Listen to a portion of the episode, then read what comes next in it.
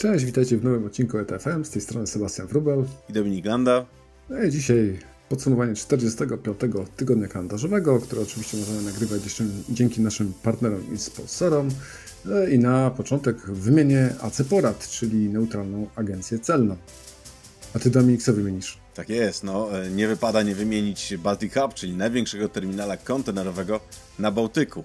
A, no dobra, no to ja pójdę jeszcze podobnie, czyli powiem o Baltikonie, czyli naszym tu drogim przewoźniku drogowym, operatorze e, depo, który się specjalizuje w ładunkach i kontenerach chłodniczych. No to teraz ja powiem taką e, układankę, czy też łamigłówkę e, słowną, czyli Eco Worldwide Colloader ładunków drobnicowych. Firma wspaniała, jednakże to zdanie jest dosyć skomplikowane, e, jednakże bardzo doceniamy sobie wsparcie ze strony Eco Worldwide.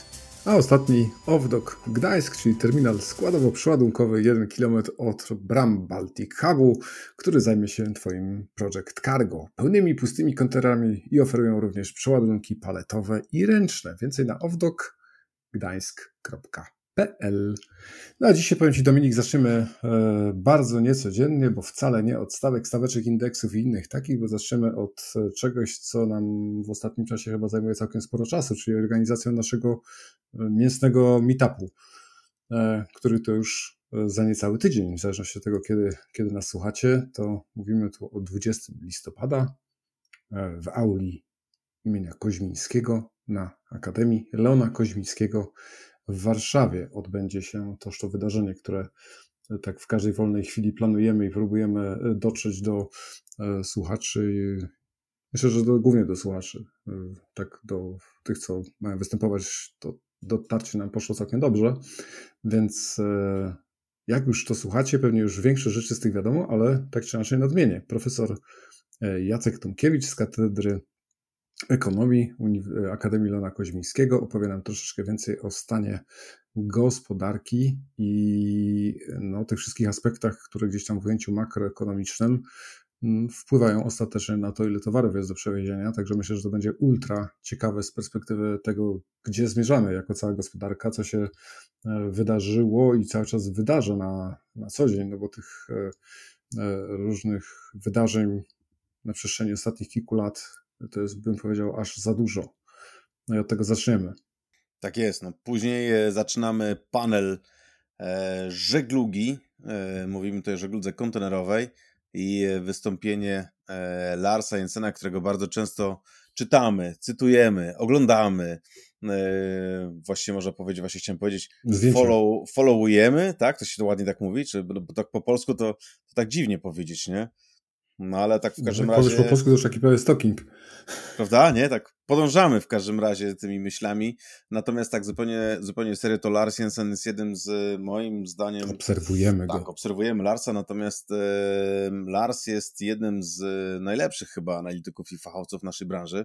E, prowadzi firmę Vespucci Maritime. E, przez wiele lat zajmował bardzo eksponowane stanowiska w naszym biznesie i opowie nam też nie tylko o tym, jak wygląda biznes dzisiaj, jutro, ale też jaki będzie miała wpływ dekarbonizacja na rynek żeglugowy, no oraz e, ostatnie zmiany, jeżeli chodzi o block exemption z Unii Europejskiej. Także będzie to jak dla mnie ultra ciekawe. No i będziemy później mieli okazję o tym porozmawiać z uczestnikami panelu. E, uczestnikami panelu będą e, Bogdan Kozaczuk, czyli e, nie trzeba nawet przedstawiać, jeden z ekspertów, jeżeli chodzi o linie żeglugowe w Polsce. Kolejnym będzie prezes Baltic Hubu, czyli Charles Baker. Mm, oczywiście dołączy do nas również Lars Jensen.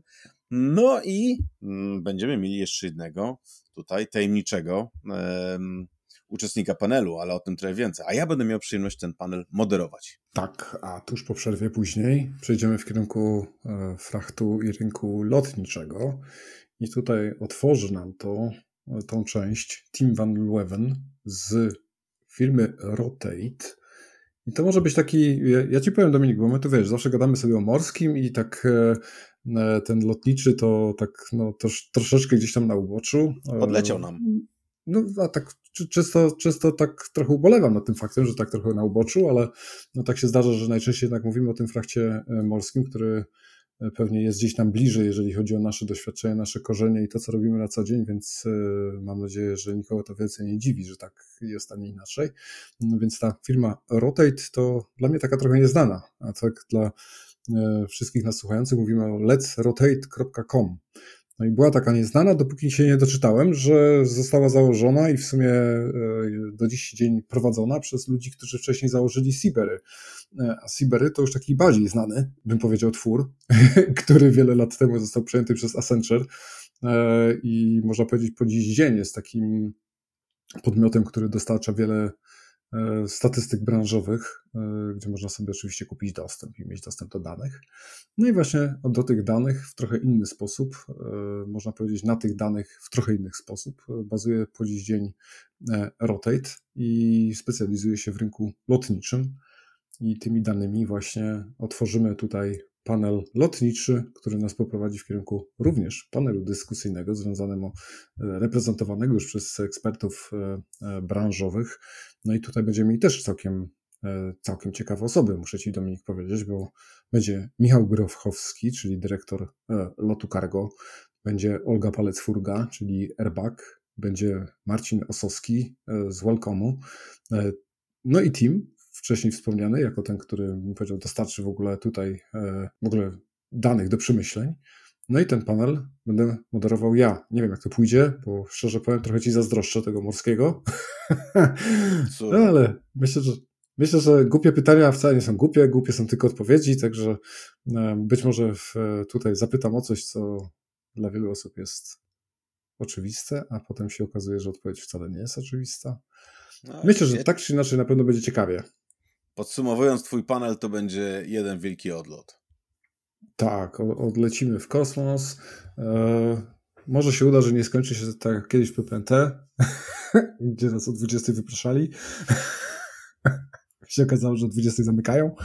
E, myślę, że to jest też e, taki znamienny, znamienne rozwiązanie takiego spotkania, gdzie już zamykają miejsce, w którym się jest, bo wszyscy się tak wyśmienicie, nie wiem czy bawią, ale w tym momencie bawią, uczą, poznają, dyskutują, e, że tym razem życzyłbym sobie nam tego samego, aczkolwiek czasu postaramy załatwić się więcej. E, no i też tak dla osób, które jednak przyjechać tam nie będą mogły, to niestety, niestety, niestety e, nadmienię, że całości wydarzenia nie będziemy w stanie transmitować i nagrywać. Postaramy się nagrać prelekcje prelegentów, głównie Larsa i Tima, E, i później w jakiś sposób to może zapleść do odcinków e, w kolejnych tygodniach w postaci takich krótkich wzmianek i, i cytatów. E, to jest coś, czego co postaram się, żebyśmy dali radę zrobić, aczkolwiek też nie obiecuję, bo ilość czasu, który już w tej chwili poszedł na, na przygotowania, tworzy pewien backlog w innych obszarach. Tak jest. Wiesz, ale dobrze to będą cytaty e, naszych dwóch szanownych prelegentów, a nie nasze, bo w sumie nasze to, wiesz, to moglibyśmy tutaj z 500 TIU się e, bić, że tak powiem, o palmę pierwszeństwa, e, jeżeli chodzi o memy i różnego rodzaju tej bonmoty, więc wiesz. A te przynajmniej będą po angielsku. O. O. Po angielsku no czy mądrzejsze? Ach, słuchaj. Już chyba za, za późno dzisiaj nagrywamy. Nie, ale słuchaj, patrząc, patrząc z perspektywy tak, no bo y, nie może tego zabraknąć, Sebastian. Stawki i staweczki. Jak tam stawki i staweczki, Sebastian? Powiedz. Co też się dzieje? No powiem ci, że te, podwy... te, te, te podwyżki to tak trochę się tutaj nawet utrzymały, tak z tego co, z tego, co widzę i patrzę sobie, bo, bo mamy gdzieś tam w sumie już kolejny tydzień pod rząd, który yy, w globalnym ujęciu jest wyższy niż poprzedni. I to jest dokładnie, tak się tu wliczam, ale powiedzmy, że piąty tydzień pod wyobraź sobie, że globalny indeks rośnie. To nie są oczywiście jakieś takie e, bardzo duże wzrosty, przynajmniej w tym ujęciu ostatnich kilku lat, gdzie, gdzie momentami to rosło ileś dziesiąt, set procent nawet, ale 4% do góry w ujęciu całości, całości, czyli e, ten FBX bez, bez, bez numerka, czyli globalny, E, później, jeżeli popatrzymy sobie na te e, indeksy, które powiedzmy troszeczkę bardziej interesują, pewnie polskich słuchaczy, to, to głównie importy z Dalekiego Wschodu do Europy Północnej. No i tutaj mamy po raz kolejny, chyba już trzeci, taki wzrost rzędu 10%. Także tutaj ten indeks no tak naj, najwięcej łapie. Jakiś trzy tygodnie mówiliśmy o indeksach trzycyfrowych, było gdzieś to z początkiem października. No w tej chwili dochodzi do indeks sam sobie doszedł do 1000, prawie 400 e, dolarów. E, tak jest to określone, aczkolwiek to bardziej jednostek. Nie mylić to z ofertą nikogo, bo to, to tak nie do końca działa, ale 1000, prawie 400. No a jeżeli mowa o importach z Dalekiego Wschodu na e, do basenu Morza Śródziemnego, to tutaj wzrost mniejszy, aczkolwiek wartość sama w sobie wciąż wyższa, czyli prawie 1600. Są, są też również spadki. E, spadek jest na przykład e, największy w tym e, tygodniu z Europy do Ameryki Południowej, do zachodniego wybrzeża o przeszło 13%. To jest, co ciekawe, wartość w sumie prawie że najwyższa w tym wśród wszystkich indeksów, bo wartość 1771, a najwyższa sama w sobie jest, są importy z Dalekiego Wschodu do Ameryki Północnej na wschodnie wybrzeże, e, czyli też powiedzmy taki mniej e, uczęszczany kierunek trochę, bo wschodnie wybrzeże powiedzmy tutaj nie jest tą główną częścią.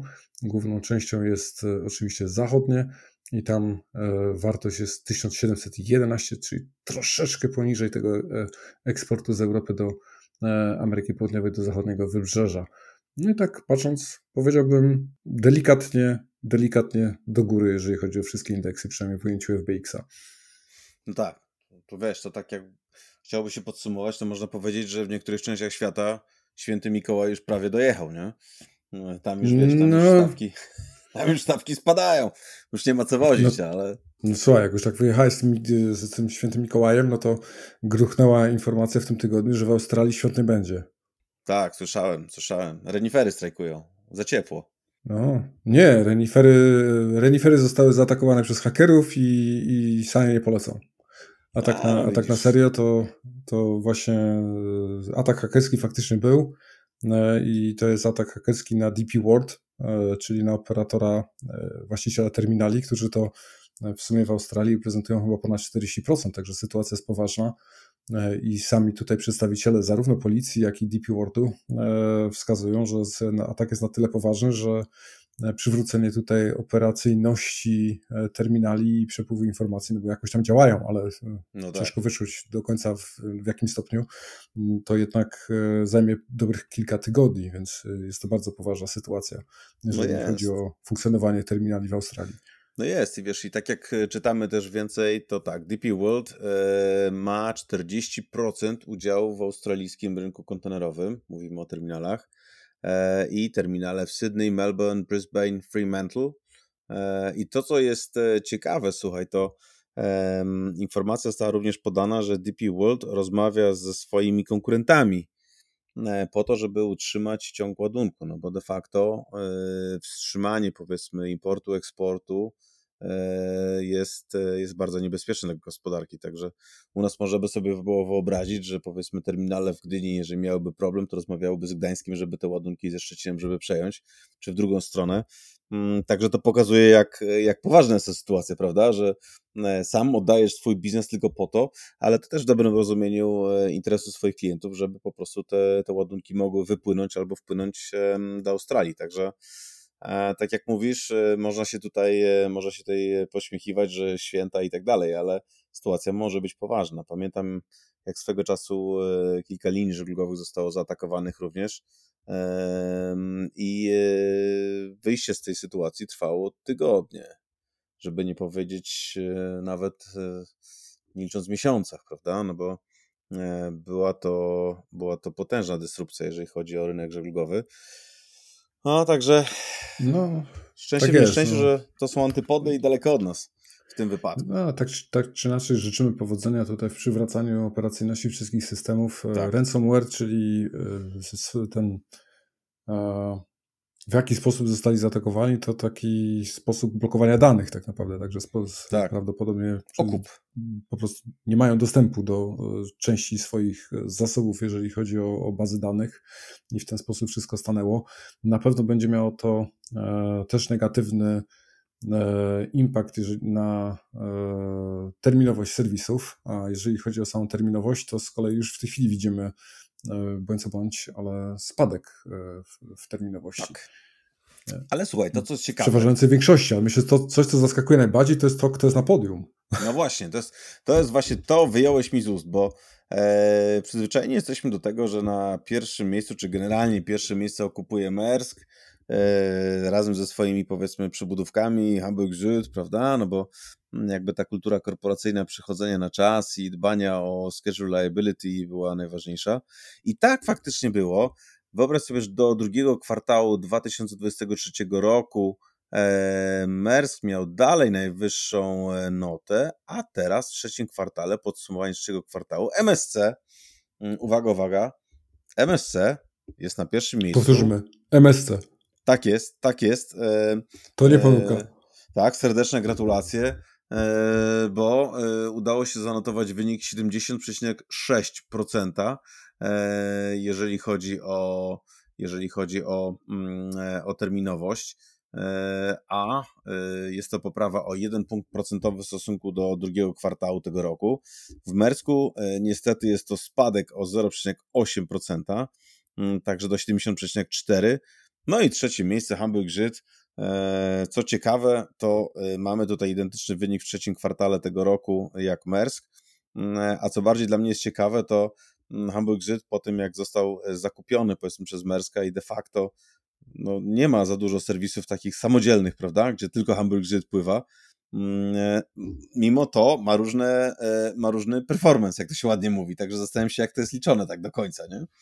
No właśnie tak, e, patrząc na tę tabelkę, tak spodziewam się, że chyba właśnie przestało być liczone oddzielnie i być może właśnie przez to Mersk zalicza tutaj ten lekki spadek, a Hamburg Zyd został naciągnięty do góry, no bo jest ultra podejrzana ta sama wartość łącznie z poprzecinku. E, więc, e, więc tak myślę, że to chyba jest ten powód właśnie, dla którego e, ten jako grupy Mersk hmm. spadła ta wartość jako całość, no ale widzimy też tu dużo więcej spadków, bo ICMA ma minus 2 punkty procentowe, ZIM jest akurat na plus, ale patrząc dalej z tych powiedzmy, które są w Polsce gdzieś tam bardziej E, rozpoznawalne jako, jako linie, no to mówimy e, o dalszych spadkach, czyli WOCL minus 3,6, Costco minus 4,1, Hapak 0,0 dokładnie, to też tak trochę podejrzanie wygląda, jakby danych nie było, jak mam być szczery. E, I dalej patrząc, no co, Evergreen tu się jeszcze mocno rzuca w oczy, nie? I to wcale nie przez jakiś kanał, ale też minus mhm. 10 spadek. Więc nie wiem, gdzie tam Evergreen tym razem utknął, ale, ale gdzieś utknął. Wiesz co, dwie ciekawe rzeczy, bo pierwszą jest to, że de facto yy, pokazuje to też filozofię różnych aliansów na, yy, na zarządzanie powiedzmy flotą yy, i zarządzanie swoimi serwisami, bo masz na pierwszym miejscu, właściwie od dłuższego czasu utrzymuje się 2M, póki jeszcze jest 2M, nie? bo mamy zawsze Mersk, mm -hmm. MSC, MSC, Mersk, Hamburg gdzieś tam jest na pierwszym miejscu. Później w środku stawki mamy Ocean Alliance, E, czyli powiedzmy CMA, prawda, Costco, WCL, e, Evergreen. No i gdzieś tam na szarym końcu z reguły jest The Alliance. Jakoś tak, tak, tak wynika z tego, że mm, przez, jak patrzymy sobie przez, e, przez ostatnie właściwie miesiące, kwartały, no to tak mniej więcej gdzieś to, to wychodzi.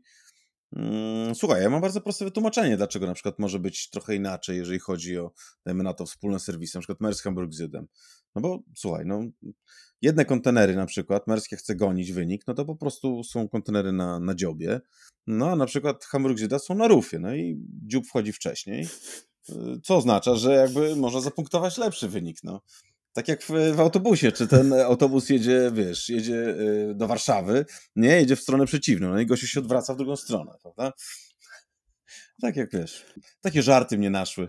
Nie, nie mam pewności, ale jak już wspomniałeś tutaj o, o, o, rozwodzie wewnątrz 2M, no to też jest informacja związana z tym, że ten serwis transatlantyczny, no już tak można powiedzieć chyba jako jest na końcu tej rozdzielenia tych serwisów, bo już w zeszłym roku, chyba w, w wrześniu, widzieliśmy pierwszy serwis, który przeszedł w ręce jednego z, i to był bodajże Mersk, a w tej chwili już mówimy o kolejnym serwisie, czyli TA3 w Mersku i, i Neu ATL3. Nie wiem, czy tak prawie to po niemiecku przeczytałem, ale to chyba nie, była, nie był zamysł MSC, żeby to nazywać NOI.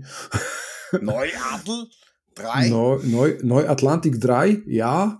ja. E, także e, podział serwisów już jest w tej chwili, podział serwisów mam na myśli po prostu, że zaczynają być te lupy operowane przez e, statki tylko i wyłącznie jednej linii żeglugowej. Tu, tu mam na myśli jako podział tych serwisów, nie? No tak, no bo tutaj pewnie wtedy rozwód będzie łatwiejszy, jeżeli powiedzmy masz jeden serwis y, dublujący się, nie? Powiedzmy jeden serwis y, jednego armatora ze statkami jednego armatora, z tonażem jednego armatora, drugi z drugim. Mm, będzie to łatwiejsze. No w tym wypadku mamy tutaj właśnie TA3, Maersk, Neu, ATL, MSC. Y, mamy North Europe, US East Coast and US Gulf. No i mamy tutaj 7 statków od 5,5 do 6700 TU. Mm, jeżeli chodzi o rotację, mamy Antwerpia, Rotterdam, Bremerhaven, Newark, Charleston, Veracruz, Altamira, New Orleans, Mobile, Freeport, Charleston, Antwerpia. Także tak. Mm, tak, Freeport bym odwiedził z miłą chęcią. No, taki... To już dobra pora nie? roku na Bahamy. Veracruz, senior. Mhm. Tak jest. Ja, ja. No, ale powiem Ci, że to ciekawa informacja tutaj od e, Unifidera, bo tak dosyć płynnie weszliśmy w serwisy. Unifider e, dodaje e, drugi lub pomiędzy Rotterdamem i Portugalią. No to chyba jest sezon na portugalskie wino, tak mi się wydaje. Tak musi być. nie wiem, ale pierwszy lub pływa sobie przez 14 dni, drugi też sobie pływa przez 14 dni. Oczywiście trochę inne porty e, są, bo w jednym mamy Dunkierkę, w drugim nie mamy Dunkierki, no ale po, po, po kolei. Lub pierwszy, e, gdzie e, mówimy o e, Container Ship Borealis w tej chwili. Płynie sobie Tilbury, Rotterdam, Lizbona, e, Setubal, Les Wafer Littleberry z powrotem. Natomiast z drugi lub, który w tej chwili e, płynął sobie z 750 TU Enforcer, czyli tak no, dwa razy mniejszy, można powiedzieć, e, stateczek, e, to płynie Tilbury, Dunkierka, Vlissingen, Antwerpia, Rotterdam i znowu Setubal i Tilbury. Także no, trochę, trochę inne, aczkolwiek no, część portów się mimo wszystko powiela. Na pewno są w zupełnie innej e, w zupełnie innym capacity, jeżeli chodzi o możliwości przewozowe, także wydaje mi się, że to może być takie trochę uzupełnienie w tej chwili jakichś potrzeb rynkowych. No. Tak mi się wydaje, wiesz, bo raczej Pewnie Portugalia dobrze nie jest... usłyszeć jakieś komentarze od nich, ale... O, wiesz, Portugalia nie jest tak, y, tak olbrzymim y, rynkiem, żeby y, chodziło tam bardzo dużo serwisów, tak się wydaje. E, jest tam oczywiście też terminal e, głębokowodny, e, nawet nie jeden, przyjmujący duże statki, chociażby MSC. Natomiast, y, natomiast sama Portugalia jest to piękny kraj, wspaniali ludzie, prawda? Natomiast jeżeli chodzi o, o produkcję i o gospodarkę, to powiedzmy mm, ma się to nijak w stosunku do tego na przykład chociażby możliwości krajów Europy Środkowo-Wschodniej. No ale słuchaj, patrząc trochę szerzej, to tak, mamy podsumowanie wyników za pierwsze 9 miesięcy E, tego roku i porównanie do wyników 9 miesięcy poprzedniego roku. I tak jak patrzymy w tej chwili na informacje, które płyną z linii żeglugowych o tym, że wyniki są troszkę gorsze niż te, które się spodziewali udziałowcy, to tak wiesz, to tak e, troszkę Nie. gorsze. Mm, tak, jedni mówią o tym, że będą zwalniać ludzi, o czym mówiliśmy ostatnio, czyli Mersk chociażby 10 tysięcy osób ma zwolnić ze 110 na 100 tysięcy. Mm, e, Hapag Lloyd mówi, że wręcz przeciwnie, podejmuje wszystkie działania, ale nie będzie zwalniał ludzi. Natomiast z czego to wynika? No, dane, które mamy tutaj, mówią jasno, że e, jeżeli chodzi o popyt na usługi przewozu kontenerów, e, za pierwsze 9 miesięcy tego roku przewieziono, i tu mówimy intrakontynental i intraregional, czyli powiedzmy te międzykontynentalne i i, e, i, i wewnątrz kontynentu, prawda? Czy tam powiedzmy wewnątrz Azji, czy, czy, czy Europy. W sumie mamy 129 milionów 452 tysiące TIU, gdzie w zeszłym roku było 131 731, co oznacza, że jest to spadek o 1,7%, czyli e, wolumen. No, co, co, co ciekawe, jeszcze w roku poprzednim było 135 prawie. Tak, dokładnie w 2021 roku mieliśmy 130 prawie 5, czyli ze 135 spadliśmy poniżej 130 milionów i teraz tak, intrakontynentalne czyli te powiedzmy między kontynentami przewozy to jest 66% całości i spadło ono z 0,4%, czyli tutaj sytuacja wydaje się troszeczkę bardziej stabilizować, nie? bo tutaj dużego spadku nie było. Natomiast regionalne przewozy 34% wagi całości przewozów globalnych, no ale spadek już o minus 4,2%. Mm, także znaczące. E, a... Mm, powiem Ci, że w całej tej notacji prasowej najbardziej przerażające jak dla mnie jest, można powiedzieć, prawie że pierwsze zdanie, w którym e, zaznaczono, że no, spadki głównie są spowodowane przez załamanie popytu w Europie. Mhm. 7,8%. Tak. Co, co oczywiście nikogo jakoś więcej nie dziwi, no bo w tej chwili Europa jest pod, wydaje mi się, największą presją, jeżeli chodzi o E, te wszystkie aspekty takie gospodarcze, o których szerzej opowie nam profesor e, Jacek Tomkiewicz na meetupie, e, ale wiele z tych bodźców, które powodują te spadki, jest nam no, dobrze znana, no bo mówimy o inflacji, mówimy o, o wojnie, w tej chwili już dwóch, można powiedzieć, wojnach, gdzieś tam w najbliższym e, otoczeniu, powiedzmy, europejskim. E, mam tu oczywiście na myśli e, agresję Rosji na Ukrainę i nie wiem w sumie, jak to teraz już nazywać, ale no, konflikt pomiędzy Izraelem a Palestyńczykami. No, tak. I, no i to wszystko ma wpływ, więc tutaj pierwsze zdanie rozwiewa wszelkie wątpliwości, jeżeli chodzi o o to, z czego wynikają te spadki w ujęciu tym właśnie interkontynentalnym. No właśnie, 7-8% to jest najwyższy spadek ze wszystkich de facto, które patrzyliśmy, e, na które patrzyliśmy. E, sam Far East, czyli powiedzmy Daleki Wschód jest odpowiedzialny za 50% przewozów, czyli albo do, albo z Dalekiego Wschodu 50% e, światowego handlu w kontenerach zmierza lub stamtąd przypływa. Natomiast tutaj mamy wzrost o 1,5%. E, najwidoczniej nie idą one do Europy e, albo z Europy, bo tutaj mamy dosyć spory spadek. Trzecim krajem, czy trzecim kontynentem właściwie, to jest Ameryka Północna, 12% wagi w całości i też spadek o minus 1,3%. Tutaj spodziewałem się więcej, powiem szczerze. Wydawało mi się, że tam będą większe spadki, nie? Jak rozmawialiśmy o tym, jak bardzo straciły porty jakiś czas temu w Stanach.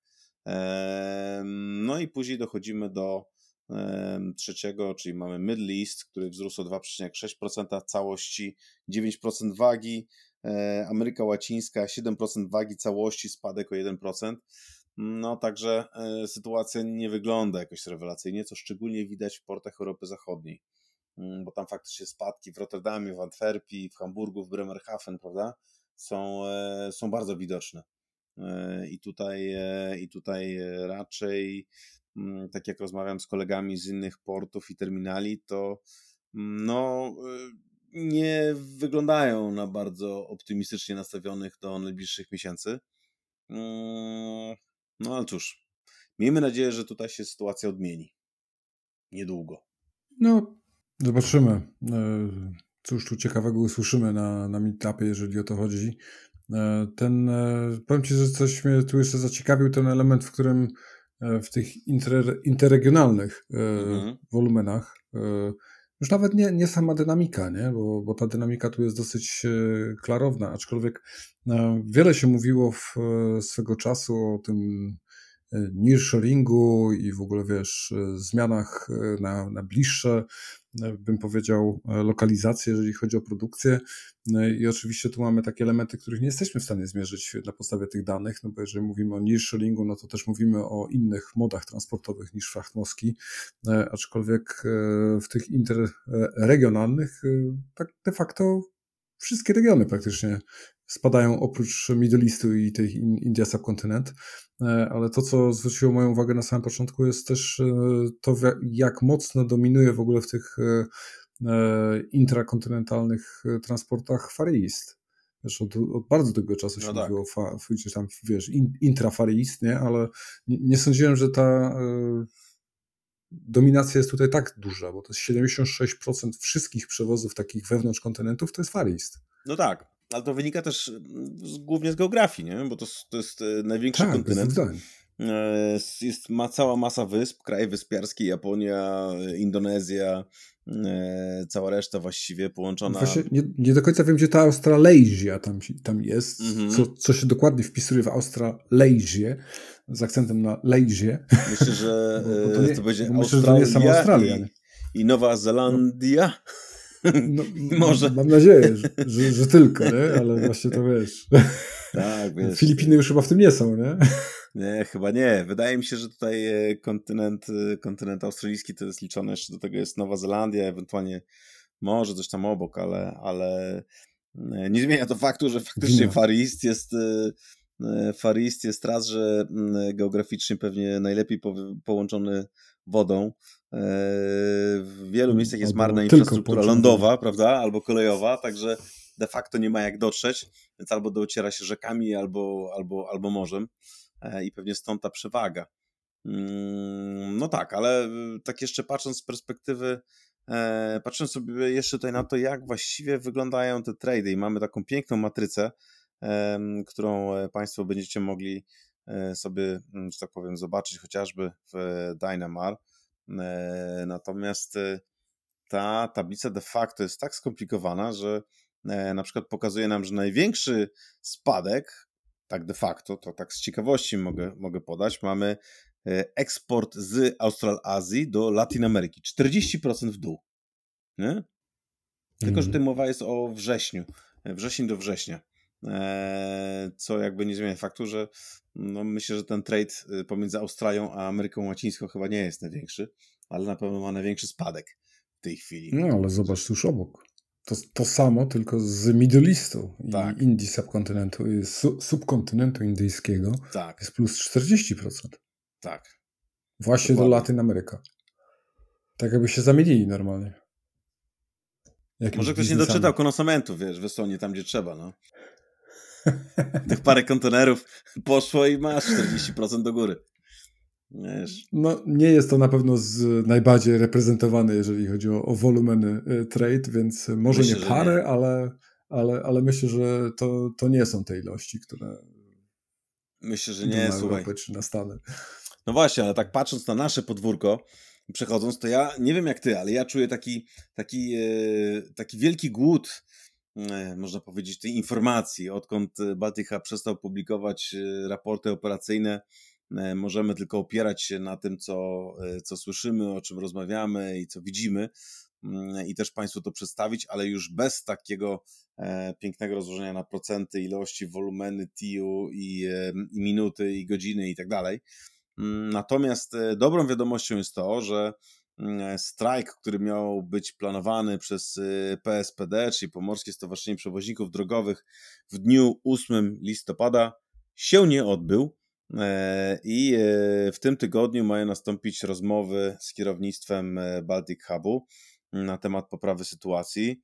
Mm, o dziwo słyszę tutaj o dużej ilości rozmów z Baltic Hubem, natomiast coraz więcej słyszymy, że tak powiem, tutaj też negatywnych komentarzy odnośnie mm, operacji na jednym z terminali w Gdyni. No i tutaj o tych rozmowach coś nie słychać. Natomiast wydaje się, że E, wydaje się, że sytuacja troszeczkę się polepszyła. Miejmy nadzieję, że te rozmowy, e, że tak powiem, zostaną e, skonkludowane pozytywnie. No, z takich, tak. z, z, takich też nieoficjalnych informacji gdzieś tam z kolei słychać, że zarówno, że tak powiem, terminal pod presją w Gdańsku, jak i terminal pod presją w Gdyni podejmuje kroki, żeby tą sytuację zmienić, więc trzymamy mocno kciuki, bo, bo to na pewno nikomu nie tak służy. Jest. Mamy nadzieję, że jak już się zobaczymy w poniedziałek i Charles Baker też usiądzie e, tutaj z Tobą do panelu, to, to sytuacja może będzie już troszeczkę bardziej e, pod kontrolą, przynajmniej jeżeli chodzi o te rozmowy właśnie z PSPD, bo to już będzie po e, i być może też się czymś podzieli na ten temat. Tu oczywiście nic nie jesteśmy w stanie obiecać, bo to wszystko zależy, jak się rozwinie nadchodzący ty, tydzień. I tak uważam, że to bardzo dobrze słyszeć, że Charles e, zgodził się tutaj przyjąć nasze zaproszenie i weźmie udział w panelu. Absolutnie. To jest takie też, jak dla mnie, światełko w tunelu trochę, że, że jednak nie, nie ma takiej, wiesz, ucieczki przed e, jakimkolwiek kontaktem. E, no, ten, ten raport absolutnie. mnie też troszeczkę gdzieś tam wcześniej zaniepokoił, że zniknął. Absolutnie, wiesz co, wydaje mi się, że to, co jest kluczowe, to po prostu prowadzenie dialogu. Ale nie dialogu wymuszonego siłą i groźbami, tylko takiego dialogu, który polega na tym, że po prostu trzeba usiąść i rozmawiać, bo mm, bardzo często każdy ma inny punkt widzenia i można mieć e, zgoła inne, że tak powiem, widzenie tej samej sytuacji. Natomiast e, wydaje się, że że wszystkie strony mm, dojrzały do tego, żeby po prostu usiąść i rozmawiać i to jest bardzo dobre.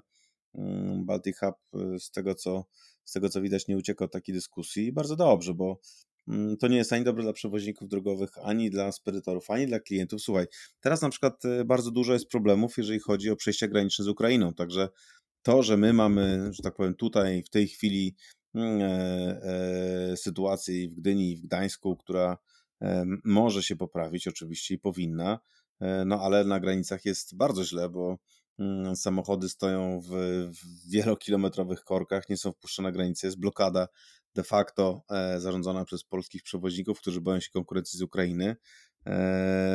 Boją się, że tak powiem, też słusznie i niesłusznie, no bo z jednej strony mm, e, e, Ukraińcy z reguły jeżdżą do siebie, tak, ukraińscy kierowcy, no ale z drugiej strony fakt jest faktem, że kiedyś polscy przewoźnicy mm, stanowili bardzo duży odsetek tych właśnie kierowców, którzy jeździli z, na Ukrainę i, i tych kwot było powiedzmy były kwoty, ile kierowców może jeździć w dwie strony i w tej chwili zostało to zaburzone e, i e, odsetek kierowców polskich spadł wielokrotnie. Pewnie też z uwagi na to, że mało kto chce jeździć w czasie działań wojennych, prawda? Mm, tak mi się wydaje, ale nie zmienia to faktu, że tak, problem tak bym się domyślał, aczkolwiek e, sam, sama tutaj blokada wskazywałaby, że jednak e, to nie jest wszystko w tym temacie, że to nie jest e, tylko i wyłącznie przez to. No. Tak czy inaczej łączy z przewoźnikami tymi gdzieś tam, którzy no, w tej chwili blokują przejazd na Ukrainę, jak i tymi, którzy no, są w ciężkiej sytuacji przez sytuację w, w, w Gdańsku. No tak, wiesz, trochę chyba bym prosił wszystkich o zrozumienie, bo, bo to, to są momentami bardzo e, ciężkie problemy, jeżeli chodzi o decyzje. Nie? No bo z jednej strony utknęliśmy w to strajku w tej chwili w Gdańsku, co dobrze, bo na pewno by wiele nie poprawił, o ile nie mówić wprost, wiele mógłby jeszcze skomplikować. E, o tyle e, branża stoi przed no, swego rodzaju wyzwaniem nawet z perspektywy utrzymania kierowców, bo, bo wiesz, no bo jeżeli kierowca ma stać w porcie, za co przewoźnik nie ma zapłacone, czyli mm. prawdopodobnie kierowca też nie, e, to ten kierowca e, prędzej czy później, nawet jeżeli ma częściowo płacone, a częściowo nie, to i tak się zastanowi, czy, czy nie jeździ gdzieś indziej, więc w krótkim okresie czasu możemy znaleźć się w sytuacji, w której nagle się okaże, że nie ma kierowców na te relacje portowe u nas. E, I no, no tak, jak to mówią, ripple effect no tak, poleci dalej. Frakty drogowe pójdą do góry, kierowców będzie mniej i tak jest ich mniej w tej chwili, e, więc sytuacja dla nikogo nie jest dobra, ani dla terminali, ani dla przewoźników. Ja absolutnie się solidaryzuję ze wszystkimi po to, żeby ta sytuacja wyglądała lepiej. Słuchaj, ale tak patrzę sobie e, też z perspektywy tutaj, e, bo tak pomyślałem sobie o niektórych autach, które widujemy czasami w porcie i tak patrzę 20 lat i więcej, no i e, faktycznie niektóre auta wyglądają jakby, no, a już kontenery na pewno, wyglądają jakby miały ponad 20 lat, ale tutaj mamy zestawienie floty kontenerowej, prawda? E, jak no wygląda. Nie, tak nie tylko kontenery, statki też. No właśnie, i teraz, i teraz jak wygląda. Yy... Podział jest o tyle ciekawy, jeżeli chodzi o różne wielkości tych statków, nie? bo tutaj widać bardzo dużą dominację tych jednostek. E, no prawie że najmniejszych, bo mówimy tu o jednostkach, które mają pomiędzy 500 a 1000 TIU pojemności. Tutaj patrząc sobie na tym pięknym mhm. słupkowym wykresie, mamy ponad 250 jednostek właśnie w tym konkretnym E, rozmiarze. No i później e, te okoliczne są dużo mniejsze, aczkolwiek e, gdzieś tam w okolicach 1500, jakbyśmy tą klasę 1500 do 2000 powiększyli o tą do 2000 i 2700, no to tych już by było też stosunkowo dużo. No, najwięcej. A co już nie są takie, tak. co już nie są aż takie małe, no bo to już byśmy mhm. mówili pewnie o jakichś tam 300 ponad mhm. jednostkach pływających. Ponad 20 lat no, samo zestawienie raczej e, miało pewnie uzmysłowić, ile tych jednostek jest na tyle starych, że nadawałoby się już do rozebrania i przerobienia na przysłowiowe żyletki.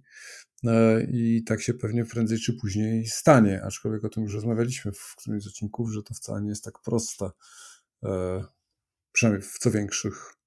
No ale ta klasa 5300 do 8, do 7500 też jest całkiem spora, nie? bo prawie 150 tak. E, statków e, w tej klasie, która już jest taka, e, bym powiedział, szerokiego zastosowania.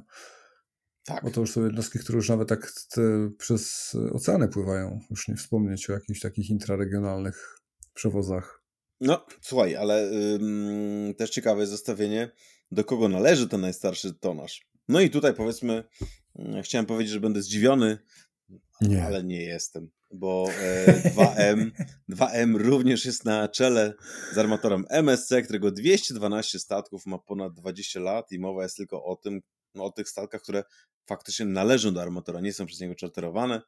Na drugim miejscu Maersk, 48 jednostek, na trzecim Evergreen, e, więc widać, że tutaj te statki, e, które są dosyć leciwe, również są we flocie tych wiodących armatorów. A słuchaj, a najstarszy statek, który dalej jest w serwisie, e, to jest statek, który nazywa się Margi. I jest to statek, który ma 486 TU i ma 53 lata. Także wiesz. Mm, to emeryturka już niebawem. No, tak się zastanawiam na przykład, wiesz, co robi kapitan portu, jak e, wpływa statek e, MV Margi i wszyscy, wiesz, zakładają kaski, hełmy, kamizelki, włączają, wiesz, włączają wszelkie urządzenia naprowadzające. Nie, no, no. żarty żartami, ale, ale powiedzmy jest ostatnio 53 lata, taki słuszny wiek, nie? Taki, taki oldtimer można no, powiedzieć. No słuszny wiek, to już taki jest oldtimer nawet. No, tak, tak, nie, no to wiesz, to już, to już nie ma co się śmiać. Statek, który ma 150 metrów długości. Na żółtych blachach tak. i to tak. grubo. No, na żółtych blachach, tak, tak. Chciałby się powiedzieć, ale że Niemiec ci, że... sprzedawał, ale... No, wiadomo. Tak, y, jeszcze wracając do tego, do tego MSC, no, to te ich 212 jednostek to ma pojemność 700 tysięcy, ponad 718 tysięcy TU. E, to nawet, żebyśmy je wyjęli dzisiaj z operacji, to wciąż są numerem jeden już w tej chwili. No, De facto tak. I wtedy mają coś. Średnio jest 3000 TU pojemności? 200 A, jednostek, 700 tysięcy, no. Tak by wychodziło. Dobra, wychodzimy z muzeum. Jara. Jara mnie e, to, ta informacja o, o Jarze i NCL, e, którzy zdecydowali się tu na współpracę, jeżeli chodzi o budowę nowej jednostki e, na, jak to chyba nazwali, clean ammonia, czyli czysty amoniak. Usłyszałem clean amoniak, ale to chyba nie, to, to źle usłyszałem. To jest taki syndrom poweekendowy. Wiesz, dobra. nie, nie, tu, tu, nie było błędu. To, to już nie weekend, ale, ale błędu nie było. Clean amoniak. Okay. No tak, dobra, czyli, czyli czysty amoniak. E, tak, faktycznie. Czyst, jest to, jest to, czysty amoniak, tak. Jest to tak zwany łamiący Jara, Jara Eide. Jara Eide, widzisz, to, to taki łamiący news, jakby to powiedział nasz 500 TU. Także, mm-hmm. e, także faktycznie jest to coś nowego. Bo, Wszyscy zamali ręce, jak zobaczyli. Prawda? No właśnie, bo tak, tak czytam sobie tutaj e, większość tych statków, które weszły w tym tygodniu, czy w ogóle w tym miesiącu, no prawie dwa tygodnie weszły do, do użytku, no to tam wielko, wielkich jakichś tam rewolucji newsów nie ma, z wyjątkiem tego statku, e, który faktycznie jest, e, jest jednostką taką, jedną z tych nowych, przełomowych to generalnie pojawia się tam od 16 tysięcy TU, e, troszkę mniejsze, ale, ale nic tam specjalnego się specjalnie nie dzieje. Eee, no cóż, jest jeden taki, już chciałem powiedzieć, breaking news e, z Hala e, i MSC odnośnie sytuacji, bo też pewnie, tak, tak, HHL-a, czyli, czyli tutaj operatora terminali w Niemczech, ale nie tylko, bo również we Włoszech, w Estonii, na Ukrainie, e, firm intermodalnych, między innymi Metransu, mm, e, też UEC e, na Ukrainie i Hala Project Logistics została w zeszłym tygodniu, czyli 6 listopada, podana informacja o tym, że zarówno zarząd, jak i Rada Dyrektorów, czyli nasza Rada Nadzorcza, wystosowała informację o pozytywnym opiniowaniu oferty przez MSC. Także e, w tej chwili następuje dalszy proces potencjalnego zakupu e, czy skupu właściwie akcji HHLA przez MSC mm, i w ramach tego MSC musi kupić większość z tych E, z, z tych akcji e, z rynku wtórnego, można powiedzieć, tak? Czyli nie od miasta no, Hamburg. Ja się ostatnio tak zastanawiałem, ci powiem szczerze, nie? Bo mm. to tak można sobie tak powiedzieć, że tak będą skupywać, ale ktoś się może nie zgodzić. I co wtedy? No, z tych sprzedających mam na myśli oczywiście, nie? No, to jest dobre, dobre pytanie. Z tego co wiem, do, do końca listopada jest zagwarantowana cena akcji po których te, te e, akcje będą kupowane przez MSC. No i de facto na koniec listopada, a de facto z początkiem grudnia bodajże, z pierwszym tygodniem grudnia, będzie wiadomo, jaką ilość akcji udało się MSC e, zakupić. No i wtedy będziemy patrzeć, co dalej. Wiadomo, że e, jednym z, jedną z, jednym z postanowień, powiedzmy, jest to, że zarówno MSC, ale również i miasto Hamburg doinwestuje HHL-a. Mm, e, tutaj mówi się o kwocie 450 milionów euro e, na rozwój i na operacje na następne parę lat. Będą, z tego co również gdzieś widzieliśmy, będzie utrzymana niezależność, jeżeli chodzi o decyzyjność i rozwój HHLA. Prowadzono są oczywiście rozmowy, jeżeli chodzi o utrzymanie miejsc pracy, czyli standardowe że tak powiem, tego typu dyskusje, które są, e, które są, można powiedzieć, e, normalne e, w przypadku przyjmowania jednych firm czy dużych udziałów, bo właśnie tutaj mówimy o przejęciu nawet nie większościowego, tylko mniejszościowy, mimo wszystko pakiet udziałów w spółkach, także także tak to wygląda za łabą, jak to się ładnie mówi. No dzieje tak. się. Tak, dzieje się, no tak. A... Dzieje się. Dzieje się na każdym froncie, bo też mamy informacje w, takie już powiedzmy bardziej finansowe od kilku, od kilku linii, można powiedzieć. No i zaczynając od e, ONI, e, piękny różowy, e, magentowy wykres, jeżeli chodzi o no, net profit w, w podziale na kwartały od początku pierwszego kwartału 2021 roku aż po dziś dzień, który tutaj bardzo mocno obrazuje, gdzie jest rynek. E, podział jest. E, różnica jest drastyczna, tak bym to ujął. Zwłaszcza jak porównamy Q3 zeszłego roku do Q3 tego roku, e, no to mówimy tu o różnicach rzędu ponad 1,5 miliarda rok temu do 65 milionów dywidendy w tym roku, co się przekłada na mniej więcej 200 milionów net profitu. Mm. No i więc e, oczywiście widać tu, jak e, mocny spadek kwartał po kwartale następował przez ostatni rok.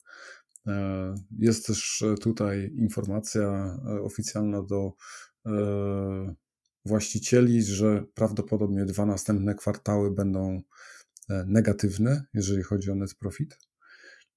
Czyli powiedzmy to, co już w tej chwili widzieliśmy w Mersku w tym ostatnim kwartale, gdzie się pojawił pierwszy minus. Póki co chyba jedyny, taki mocny z tych, powiedzmy, z tych topowych e, linii żeglugowych, bo Hapak też jeszcze nie miał na minusie, e, co, co też pojawiły się w tej chwili informacje, e, ale też można tu powoli wyciągać jakiś obraz sytuacji, nie? bo no tak. jeżeli chodzi o te linie, które nastawiły się na zbieranie wolumenu, to wyniki finansowe są już dużo gorsze, gdzie udział powiedzmy w rynku jest gdzieś tam e, na plusie i to są raczej wartości jednocyfrowe w procentach. Mhm. E, aczkolwiek jest wzrost wolumenu, a te e, linie, które gdzieś nastawiły się mimo wszystko na mocne trzymanie, w miarę trzymanie, może lepiej powiedziawszy, nie mocne, w miarę trzymanie cen, bo to jest mimo wszystko spadek o ponad 50%, tylko że powiedzmy 52%, a nie 58%, e, no to wtedy ten udział w rynku powiedzmy jest w miarę stabilny, ale nie rośnie. Także jest no taka, nie wiem, powiedziałbym wolna, wolna cenowa na całego w sumie. No, chyba armatorzy. Kupowanie bardzo, wolumenu. No tak, no, wiesz, chyba armatorzy nie bardzo mają możliwości, no bo zarówno z kraju kwitnącej wiśni, e, jak już powiedziałeś, e, tak i też i z kraju, wiesz, pysznych ciasteczek maślanych, jak również i z kraju z najlepszym piwem, ale tutaj Czesi mnie zaraz zamordują. Pojawia się informacja o tym, że generalnie wszyscy armatorzy będą, będą przeżywać trudności. Z drugiej strony raczej można powiedzieć, było to spodziewane, prawda? No bo te wyniki, które armatorzy notowali po, po pandemii, no były rekordowe i e, nie można było oczekiwać, że one będą się rozwijały zawsze, wszędzie i, i będą utrzymane, więc jakby ten powrót do, do, do wyników trochę, no, trochę bardziej, że tak powiem, przypominających nam e, czas przed pandemią, no, był oczekiwany.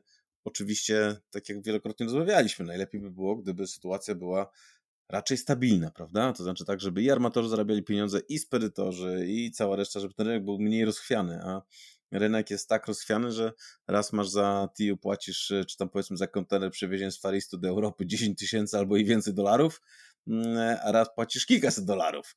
E, gdzie koszty no, nie są aż tak bardzo elastyczne. Powiedziałbym nawet, że koszty są bardzo mało elastyczne. E, w związku z czym e, koszty masz na podobnym poziomie, a przychody wahają się od 10 tysięcy do 500 czy tam do 1000, nie?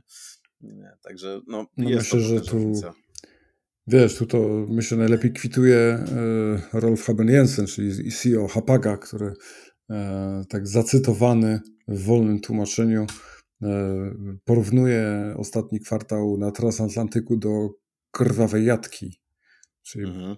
bloodbath. Tak. No i tak to właśnie mniej więcej wygląda, no do, do ostatniej krwi, jeżeli chodzi o walkę o wolumen. Tak, ale mi a stawki, powiedział... a, a stawki faktycznie na transatlantyku trzymały się dosyć długo w miarę, mhm. w miarę rentownie i ten o, trzeci kwartał to był drastyczny spadek. No właśnie, ale wiesz, tak sobie pomyślałem, aż mi ziarki przeszły, jakby to powiedział po niemiecku, nie? Bloodbath. Nie wiem, jak, jak to jest po niemiecku, ale na pewno brzmi to groźnie. E, na przykład Mówisz? wiem, no ja wiesz, jak słuchasz ja na przykład opery po niemiecku i, i, jeden z, wiesz, jeden z e, tutaj głównych, e, głównych e, wystających na przykład Co, już mówię. śpiewa Ich liebe dich. Nie wiadomo, czy śmiać, czy płakać, czy uciekać. No to, tu by nie, to, to by nie śpiewał Myślę, że Liebe by tutaj nie śpiewał w tym, ale po, po niemiecku to jest Ein Blutbad. Ein Blutbad. Ja. Hmm. O, no. Herr Sebastian. To zabrzmiało groźnie. No tak, ale tak. sytuacja raczej taka niestety jest. Mm, ale jestem bardzo, bardzo, ale to naprawdę bardzo ciekawy, co powie nam Lars Jensen e, już za tydzień na meetupie, bo myślę, że tam dowiemy się dużo, dużo więcej. Ja też. Powiem Ci szczerze, że ja też, bo to jest, wydaje się, znowu taki moment, jeżeli chodzi o rynek, w którym jest bardzo dużo znaków zapytania. E, tak jak byliśmy w tym piku i wszyscy wiedzieli, że jesteśmy w piku i pytanie kiedy, do kiedy i, i, i trwały dywagacje i nawiązywanie do różnych argumentów i do różnych analiz, e, tak teraz no, generalnie jesteśmy w dołku i myślę, że też wiele osób e, to pytanie sobie zadaje gdzie czy to już jest dno dołka, czy to nie jest dno dołka, jak długo linie wytrzymają w, tym, w tych okolicznościach, no bo to już chyba powoli tego typu pytania e, można sobie zacząć zadawać. No tak. Także tak, to wszystko już za tydzień, 20 listopada, Warszawa, Akademia Leona Koźnińskiego. E, wszystkich gorąco zapraszamy. Myślę, że znalezienie linku, do gdzie można zakupić bilet, e, nie będzie jakoś super trudne, bo chyba publikujemy w tej chwili e, codziennie właściwie jakiś post, w którym ten link zazwyczaj znajduje się w pierwszym komentarzu. I do zobaczenia. I do zobaczenia wkrótce.